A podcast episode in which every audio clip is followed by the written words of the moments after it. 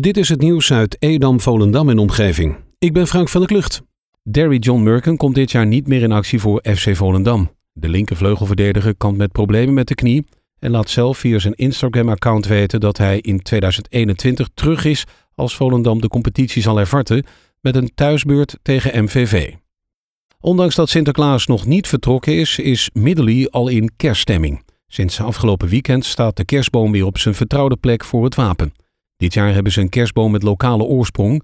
Familie De Beer heeft een boom aangeboden aan de dorpsraad. Vooral veertigers in Zaanstreek-Waterland blijken in de risicogroep te zitten als het gaat om coronabesmettingen. Dat blijkt uit onderzoek van de GGD Zaanstreek-Waterland. De landelijke tendens dat het aantal besmettingen met name toeneemt onder middelbare scholieren, de leeftijd van 13 tot 17 jaar, is in Zaanstreek-Waterland nog niet zichtbaar. Dat meldt het Noord-Hollands Dagblad vandaag. Sterker nog, in Zaanstreek-Waterland neemt het aantal besmettingen in die leeftijdsgroep juist af. Een toename is te zien in leeftijdsgroep van 40 tot 49. De politie heeft vrijdagavond naar eigen zeggen een feest met 92 mensen beëindigd in het Van der Valk Hotel Volendam in Katwoude. Volgens de politie werd de noodverordening overtreden. Een woordvoerder van Van der Valk bevestigt de gebeurtenis tegenover NH Nieuws, maar voegt toe dat er van een feest geen sprake was. De mensen, volgens Van der Valk uitsluitend hotelgasten, waren blijven zitten na een diner en stonden sowieso al op het punt om weg te gaan. Wel erkent het hotel dat ze beter hadden moeten controleren bij het reserveren of het niet om een bevriende groep ging. Het wordt steeds groener in het sportpark in Landsmeer. Eind februari zijn ze begonnen met de nieuwe beplanting van het park.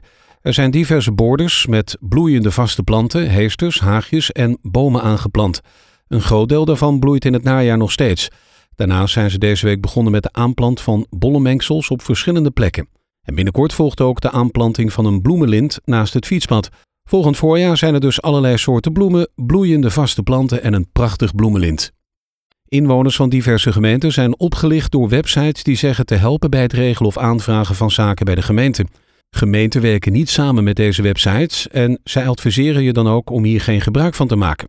Websites en online loketten vragen geld voor het maken van een afspraak bij de gemeente of ze rekenen een hoger tarief voor een uitreksel of akte. En dat is zonde. Een afspraak maken bij de gemeente is altijd gratis en je kan een uitreksel eenvoudig zelf aanvragen. Niet alleen is het goedkoper om zelf je zaken te regelen bij de gemeente, het is ook veiliger. Vorige week heeft burgemeester van Waterstad, Sico Heldorn, Sinterklaas en zijn Pieter verwelkomd bij het Paard van Marken. De pakjesboot werd begeleid door twee reddingsboten van de Koninklijke Nederlandse Reddingmaatschappij. De ontvangst werd gefilmd zodat alle Marken kinderen het digitaal konden volgen. De Goedheiligman verzorgde vervolgens zijn weg op Marken naar de Bingo Studio, waar de Sint Bingo Master werd van een live-uitzending van digitale kinderbingo. Na de rand heeft de Sint Bingo prijzen voor de kinderen persoonlijk thuisgebracht. In Edam liggen al enige tijd verlaten bootjes. De eerste is een groene romp van een zeilboot en deze ligt naast Oil bij de brug aan het kleine Westerbuiten. De tweede boot ligt in de Nieuwhaven. Dit was een witte zeilboot en deze is nu moersgroen.